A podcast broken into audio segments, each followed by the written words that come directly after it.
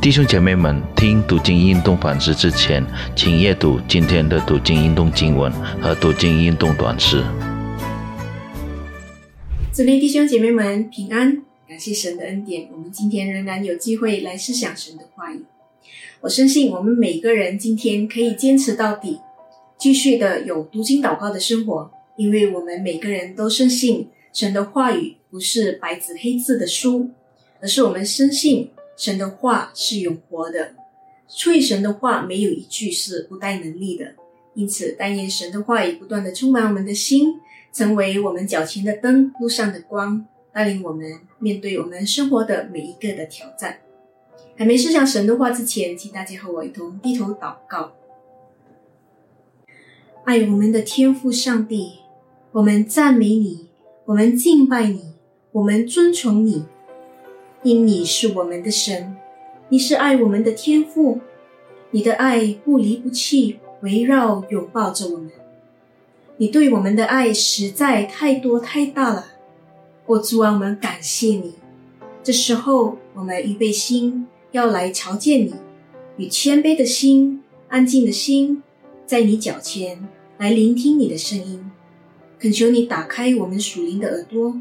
使我们能听到你对我们每个人说话，恳求你打开我们的心，使我们能明白你的心意。恳求圣灵充满我们，使我们能力来遵行你的旨意。我们如此祷告，是奉主耶稣的名祈求，阿门。我们今天的主题是从不落空的计划。经文起自于以赛亚书第四章第二至六节。请大家和我读这段经文。到那日，耶和华发生的苗必华美尊荣，地的出产必为以色列逃脱的人显为荣华茂盛，足以公义的灵和焚烧的灵将西安女子的污秽洗去，又将耶路撒冷中杀人的血除尽。那时，剩在西安、留在耶路撒冷的。就是一切住耶路撒冷，在生命册上记名的，必成为圣。耶和华也必在西安全山，必隔会众以上，使百日有烟云，黑夜有火焰的光。因为在全荣耀之上，必有折臂，必有亭子。百日可以得银币数，也可以作为藏身之处。躲避狂风暴雨。从以赛亚书的第一章至三章，我们不断的看到神的子民继续活在最终。因此，神借着以赛亚先知要告诉他的子民，神必惩罚他们。为什么要惩罚他们呢？不是因为神乐意的去惩罚他们，也不是因为发怒想要毁灭他们。而是因为神非常爱他的子民，不希望看到他的子民继续活在罪中，因此他要带领他们，借着惩罚使他们醒悟，带领他们回到真路。我们成为父母，成为爷爷奶奶、公公婆婆，我们都非常的爱我们的孩子或孙子。当然，我们不希望看到我们的孩子或孙子继续。做同样的错误，不听话、不顺服，我们对他们的要求一定是为了他们的好处，为了他们的未来，希望他们前面有好的前途。因此，当我们看到他们不听话、不顺服，一直做同样的错误的时候，我们就会告诉他们，我们会指责他们，会警告他们。那若这一切还不行的话，可能我们。也会惩罚他们。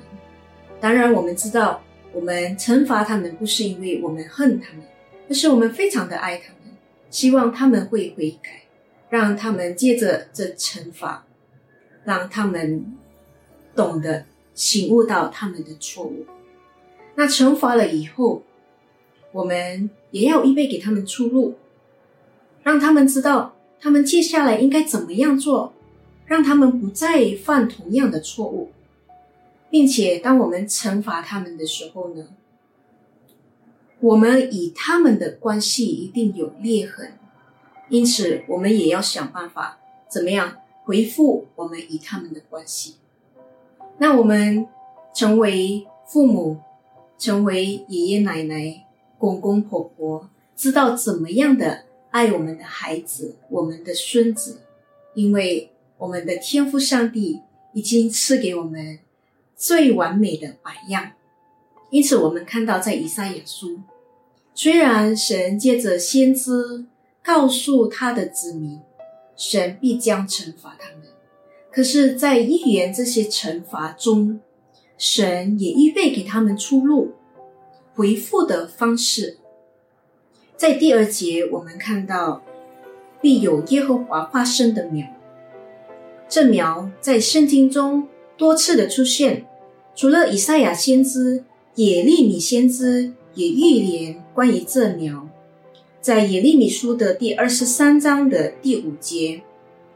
神要将大卫兴起一个公义的苗裔，在三十三章的十五节再一次的重复。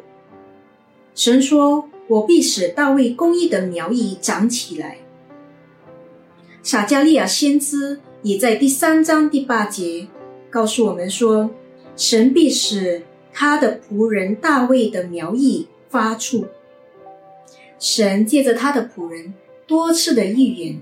表明了这是非常重要的计划，并且这计划就是为了回复神与他的子民的关系，这是神赐给他们的出路。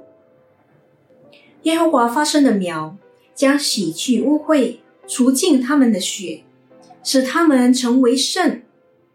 因为这苗，神的荣耀必成为他们的遮蔽，他们必有停止，必有藏身之处。躲避狂风暴雨，非常感谢神，神的计划从不落空。神的计划已经应验在耶稣基督的身上，耶稣就是那被预言的苗。借着耶稣，神赐给我们出路，脱离罪恶的方式，就是借着耶稣，我们可以得到罪的赦免，并且借着耶稣，我们可以与天父有和好的关系。这就是天父上帝的心意，他不愿意有一人沉沦，乃愿人人都悔改。天父上帝已经为我们预备了出路，就是借着耶稣基督，我们与神的关系可以和；也是借着耶稣基督，我们的罪可以被洗净，我们可以成为圣，并且耶稣的同在使我们有平安。使我们有盼望，在面对生活的狂风暴雨，耶稣基督成为我们的藏身之处。因此，当我们面对生活的问题的时候，我们不需要害怕，因为我们已经有出路了。我们已经有耶稣，有耶稣与我们同在，我们可以面对所有的困难。但愿我们不断的经历神的同在，耶稣基督的帮助。